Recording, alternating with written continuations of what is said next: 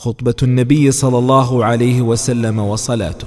بسم الله الرحمن الرحيم. الحمد لله رب العالمين والصلاة والسلام على أشرف الأنبياء والمرسلين نبينا محمد وعلى آله وأصحابه أجمعين. قال الإمام ابن القيم رحمه الله تعالى فصل في خطبته صلى الله عليه وسلم بتبوك وصلاته. ذكر البيهقي في الدلائل والحاكم من حديث عقبة بن عامر رضي الله عنه قال خرجنا مع رسول الله صلى الله عليه وسلم في غزوة تبوك. فاسترقد رسول الله صلى الله عليه وسلم ليلة لما كان منها على ليلة. فلم يستيقظ فيها حتى كانت الشمس قيد رمح. قال ألم أقل لك يا بلال اكلأ لنا الفجر. فقال يا رسول الله ذهب بي من النوم الذي ذهب بك. فانتقل رسول الله صلى الله عليه وسلم من ذلك المنزل غير بعيد ثم صلى. ثم ذهب بقية يومه وليلته فأصبح بك بتبوك فحمد الله وأثنى عليه بما هو أهله. ثم قال أما بعد فإن أصدق الحديث كتاب الله وأوثق العرى كلمة التقوى. أما بعد. ثم قال أما بعد فإن أصدق الحديث كتاب الله وأوثق العرى كلمة التقوى وخير الملل ملة إبراهيم وخير السنن سنة محمد وأشرف الحديث ذكر الله وأحسن القصص هذا القرآن وخير الأمور عوازمها وشر الأمور محدثاتها وأحسن الهدي هدي الأنبياء وأشرف الموت قتل الشهداء. وأعمى العمى الضلالة بعد الهدى وخير الأعمال ما نفع وخير الهدى ما اتبع وشر العمى عمى القلب. واليد العليا خير من اليد السفلى وما قل وكفى خير مما كثر وألهى. وشر المعذرة حين يحضر الموت وشر الندامة يوم القيامة. ومن الناس من لا من لا يأتي الجمعة إلا دبرا. ومنهم من لا يذكر الله من ومنهم من لا يذكر الله إلا هجرا. ومن أعظم الخطايا اللسان الكذاب وخير الغنى غنى النفس وخير الزاد التقوى ورأس الحكمة رأس ورأس الحكم مخافة الله عز وجل وخير ما وقر في القلوب اليقين والارتياب من الكفر والنياحة من عمل الجاهلية. والغلول من جثى جهنم والسكر كي من النار والشعر من إبليس والخمر جماع الإثم وشر المأكل مال اليتيم والسعيد من وعظ بغيره والشقي من شقي في بطن أمه وإنما يصير أحدكم إلى موضع أربعة أذرع. والأمر إلى الآخرة وملاك العمل خواتمه وشر الروايا روايا الكذب وكل ما هو آت قريب. وسباب المؤمن فسوق وقتاله كفر. وأكل لحمه من معصية الله وحرمة ماله كحرمة دمه. ومن يتأل على الله يكذبه ومن يغفر يغفر له ومن يعف ومن يعفو ومن يعفو يعفو الله عنه. ومن يكظم الغيظ يأجره الله ومن يصبر على الرزية يعوضه الله ومن يبتغي السمعة يسمع الله به ومن يتصبر يضعف الله له. ومن يعص الله يعذبه الله. ثم استغفر ثلاثا. عليه حاشية. أخرجه البياقي من طريق يعقوب بن محمد الزهري عن عبد العزيز بن عمران حدثنا مصعب بن عبد الله عن منظور بن سيار أخبرني أبي سمعت عقبة بن عامر الجهني رضي الله عنه وهذا إسناد ضعيف جدا.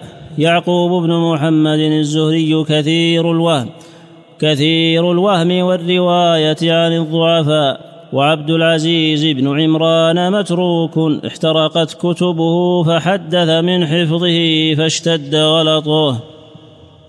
ومنظور بن سيار لا يعرف وكذا أبوه وقال ابن كثير وهذا حديث غريب. وفيه نكارة وفي إسناده ضعف. هذه كلمات جمعها بعض الرواة قواعد كلمات عظيمة جمعت بعض الرواة ورواها حديث عن النبي صلى الله عليه وسلم. وهي قواعد مهمة وكلمات مهمة ولكثير منها شواهد من الأحاديث الصحيحة ومن الآيات. ولكن مثل ما قال المعشي وابن كثير إسنادها ليس بصحيح. لكنها جمعها بعض الرواة فجعلها حديثا مرفوعا نعم. ما يقال أصل نطق بها من النبي ولكنها في مواضع متفرقة. بعضها مو كلها بعضها نعم. نعم بعضها له شواهد. نعم. وذكر أبو داود في سننه من حديث ابن وهب أخبرني معاوية عن سعيد بن غزوان عن أبيه أنه نزل بتبوك وهو حاج. فإذا رجل مقعد فسألته عن أمري قال سأحدثك حديثا. فلا تحدث به ما سمعت أني حي. إن رسول الله صلى الله عليه وسلم نزل بتبوك إلى نخلة. فقال هذه قبلتنا ثم صلى إليها.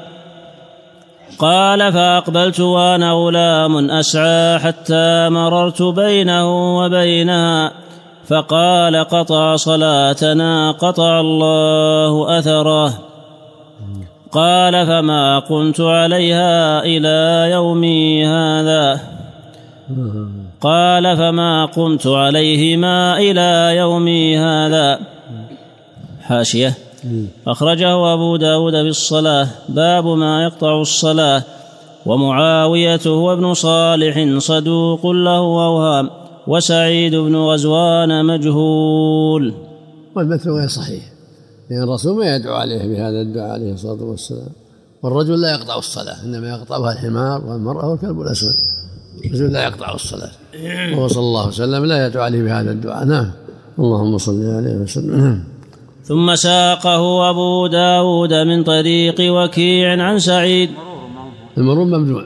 نعم. المرور ممنوع لكن هذا الدعاء قطع الصلاة قطع الله. أثره ما يقول النبي لأن الرجل لا يقطع الصلاة. نعم. نعم. نعم اللهم صل المتن منكر والسند ضعيف. نعم. ثم ساقه أبو داود من طريق وكيع عن سعيد بن عبد العزيز عن مولى ليزيد ليزيد بن نمران عن يزيد بن نمران قال رأيت رجلا بتبوك مقعدا. فقال مررت بين يدي رسول الله صلى الله عليه وسلم على حمار وهو يصلي. فقال اللهم اقطع أثره. فما مشيت عليهما بعد وفي هذا الإسناد والذي قبله ضعف. صح له وجه لأن الحمار موجود معه لو كان. نعم لكن العلم هذا الأسانيد نعم. جمع النبي صلى الله عليه وسلم بين الصلاتين في غزوة تبوك. فصل في جمعه بين الصلاتين في غزوة تبوك. قال أبو داود حدثنا قتيبة بن سعيد حدثنا الليث عن يزيد بن أبي حبيب عن أبي الطفيل عن عامر بن واثلة عن معاذ بن جبل رضي الله عنه أن النبي صلى الله عليه وسلم كان في غزوة تبوك إذا ارتحل قبل أن تزيغ الشمس أخر الظهر حتى يجمعها إلى العصر نعم إيش؟ عن يزيد بن ابي حبيب عن ابي الطفيل عامر بن إيش عندك؟ حدثنا إيش؟ عن أبي الطفيل عن عامر. لا أنا أبي الطفيل عامر بن عن غلط. أحسن الله إليك. أنا أبي الطفيل عامر بن واثلة هذا اسمه.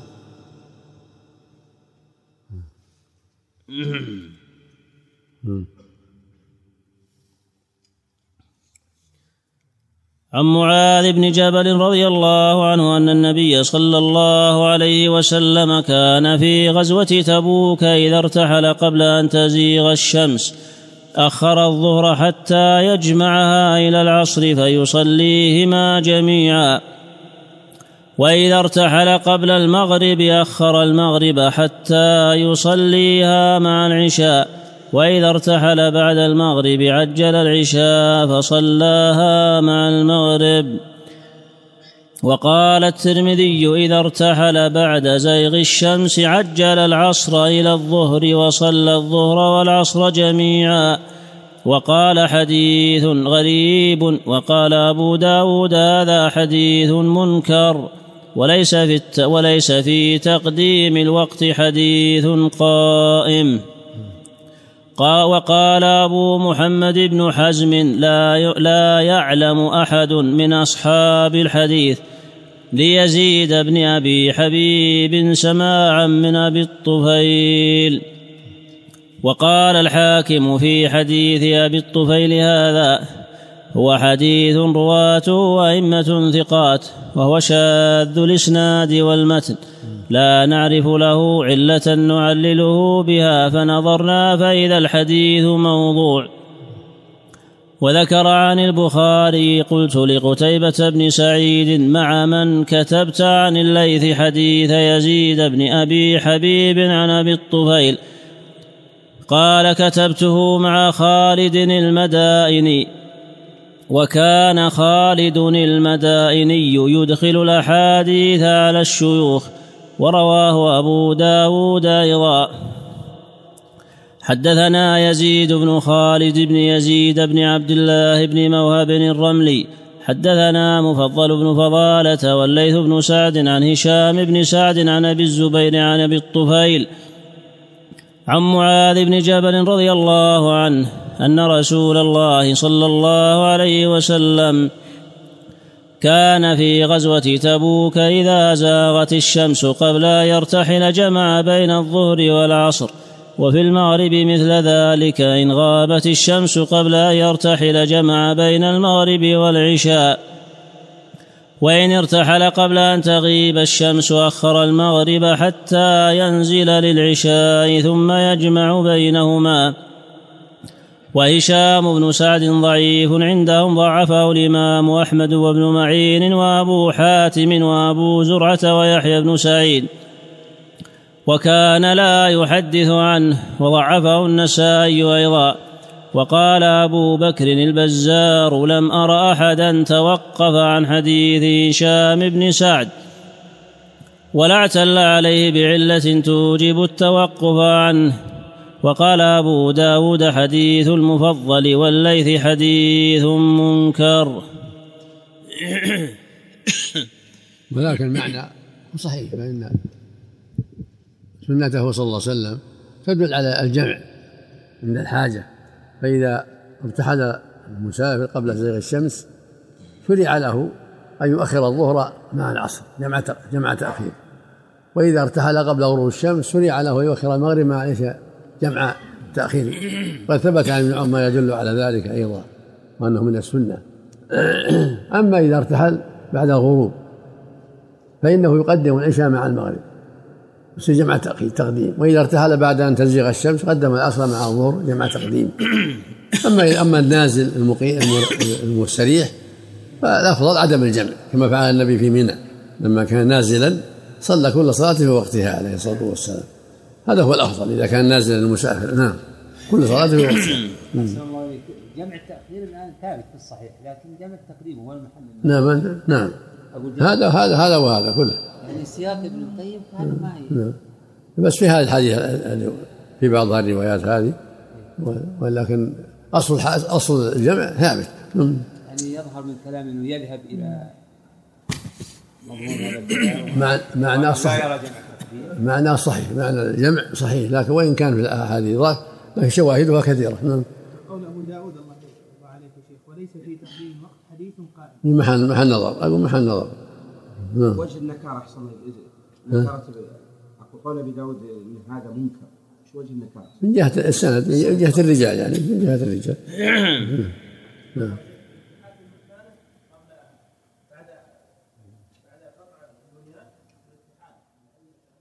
إذا ارتحل من مكان مسافرا إذا ارتحل من مكانه قبل غروب الشمس أخر المغرب مع العشاء وإذا ارتحل قبل زوال الشمس قبل الزوال أخر الظهر مع العصر. أما إذا ارتحل بعد الزوال جمع العصر مع الظهر أو ارتحل بعد الغروب جمع العشاء مع المغرب جمع تقديم. نعم.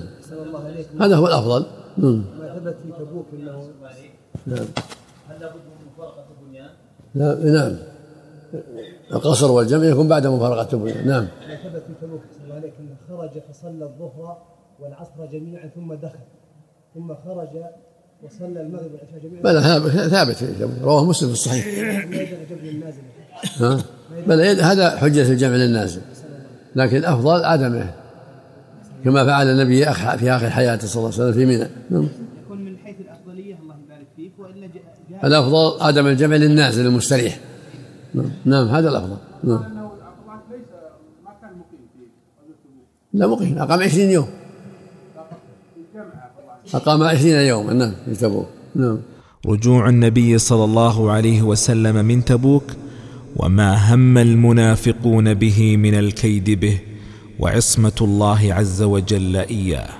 فصل في رجوع النبي صلى الله عليه وسلم من تبوك وما هم المنافقون به من الكيد به وعصمة الله إياه.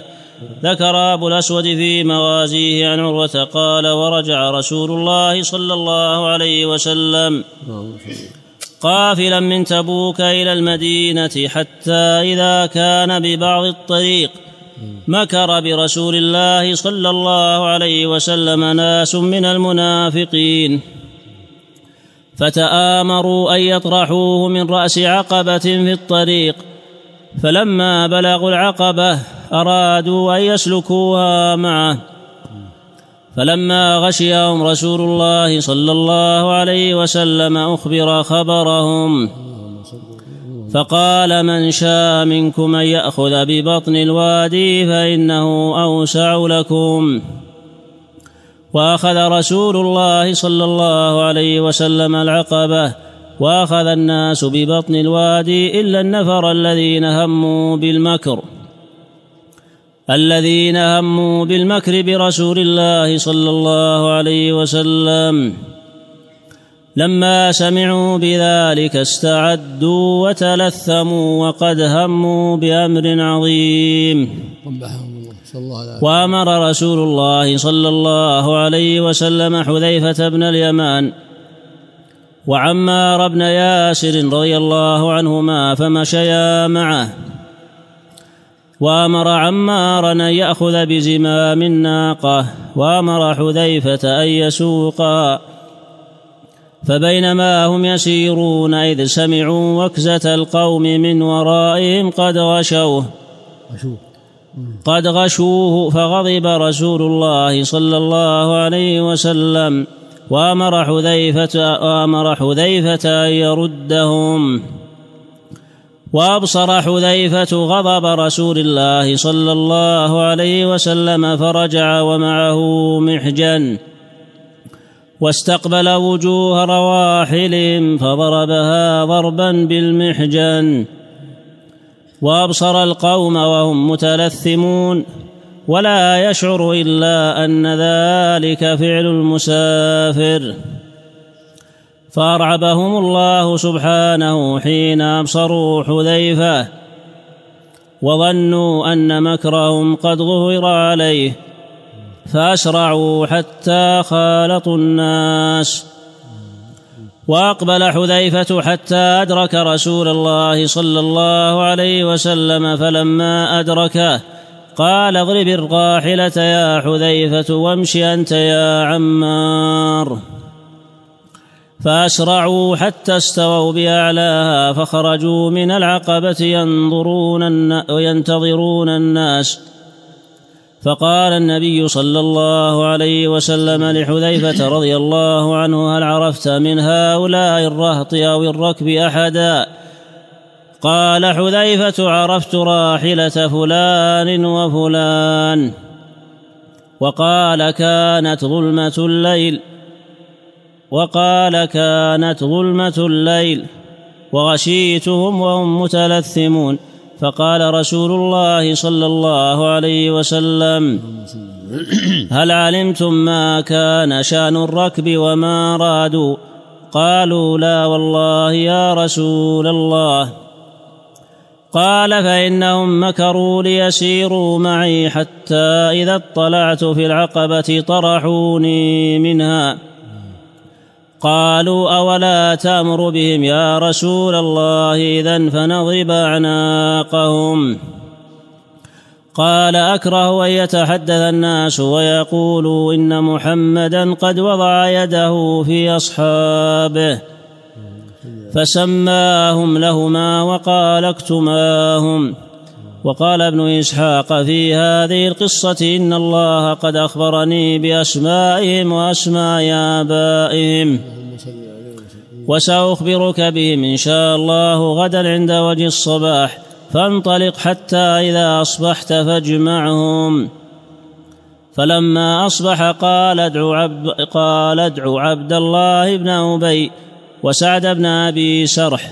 وأبا خاطر الأعرابي وعامرا وأبا عامر والجلاس بن سويد ابن الصامت وهو الذي قال لا ننتهي حتى نرمي محمدا من العقبة الليلة.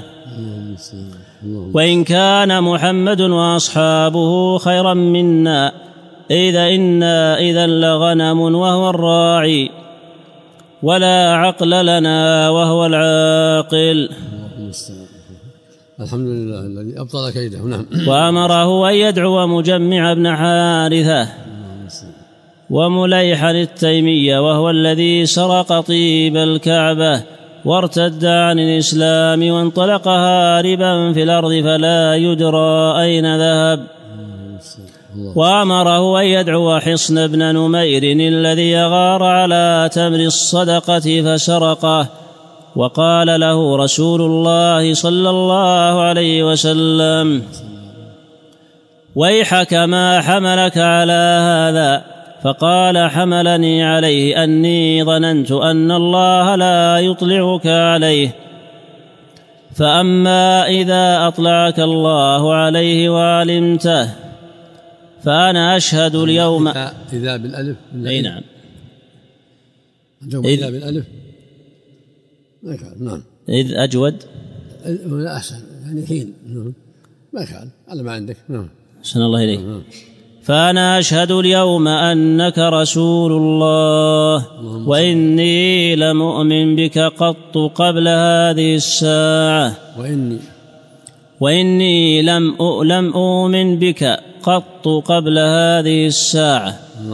فقال رسول الله صلى الله عليه وسلم عثرته وعفى عنه وأمره أن يدعو طعيمة بن أبيرق وعبد الله بن عيينة وهو الذي قال لأصحابه اسهروا هذه الليلة تسلم الدهر كله.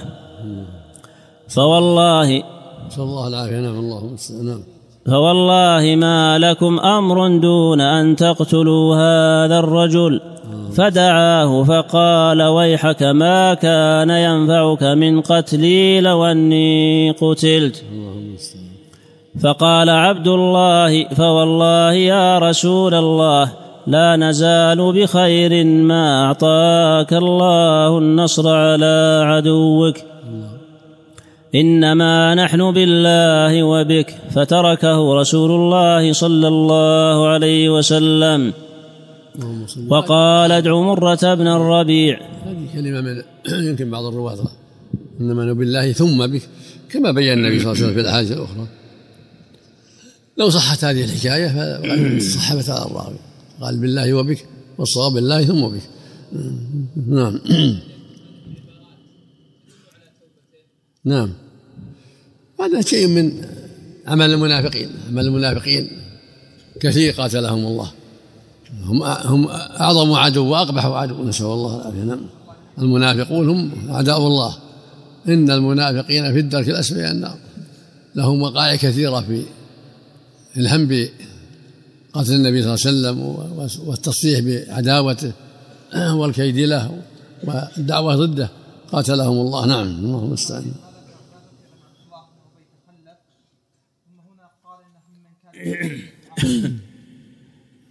يأتي أحسن الله إليك تنبيه المؤلف على نعم نعم. بعض أوهام ابن إسحاق.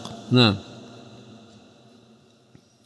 وقال ادع مرة بن الربيع وهو الذي قال نقتل الواحد الفرد فيكون الناس عامة بقتله مطمئنين. فدعاه رسول الله صلى الله عليه وسلم فقال ويحك ما حملك على أن تقول الذي قلت. فقال يا رسول الله إن كنت قلت شيئا من ذلك إنك لعالم به وما قلت شيئا من ذلك. فجمعهم رسول الله صلى الله عليه وسلم وهم اثنا عشر رجلا الذين حاربوا الله ورسوله وأرادوا قتله. فأخبرهم رسول الله صلى الله عليه وسلم بقولهم ومنطقهم وسرهم وعلانيتهم. اللهم جاء الوحي بهذا اللهم صل عليه وسلم. نعم. وأطلع الله سبحانه نبيه على ذلك بعلمه. ومات الاثنا عشر منافقين محاربين لله ولرسوله. وذلك قوله عز وجل وهموا بما لم ينالوا وكان أبو عامر رأسهم وله بنوا مسجد الضرار وهو الذي كان يقال له الراهب فسماه رسول الله صلى الله عليه وسلم الفاسق وهو أبو حنظلة غسيل وهو أبو حنظلة غسيل الملائكة فارسلوا إليه فقدم عليهم فلما قدم عليهم أخزاه الله وإياهم فانهارت تلك البقعة في نار جهنم. فصل قلت وفي سياق ما ذكره ابن إسحاق وهم. من وجوه أحدها أن النبي صلى الله عليه وسلم اسر إلى حذيفة أسماء أولئك المنافقين. ولم يطلع عليهم أحدا غيره.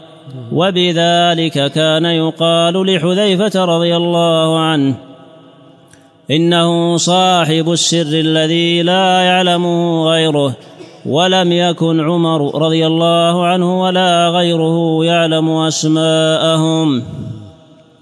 وكان إذا مات الرجل وشكوا فيه يقول عمر انظروا فإن صلى عليه حذيفة وإلا فهو منافق منهم. الثاني ما ذكرناه من قوله فيهم عبد الله بن أبي وهو وهم ظاهر وقد ذكر ابن إسحاق نفسه أن عبد الله بن أبي تخلف في غزوة تبوك. الثالث أن قوله وسعد بن أبي شرح وهم أيضا. نعم. إيش؟ الثاني. ما ذكرناه من قوله فيهم عبد الله بن أبي. يعني ما سقناه قبل قليل ما ساقه المؤلف قبل قليل نعم.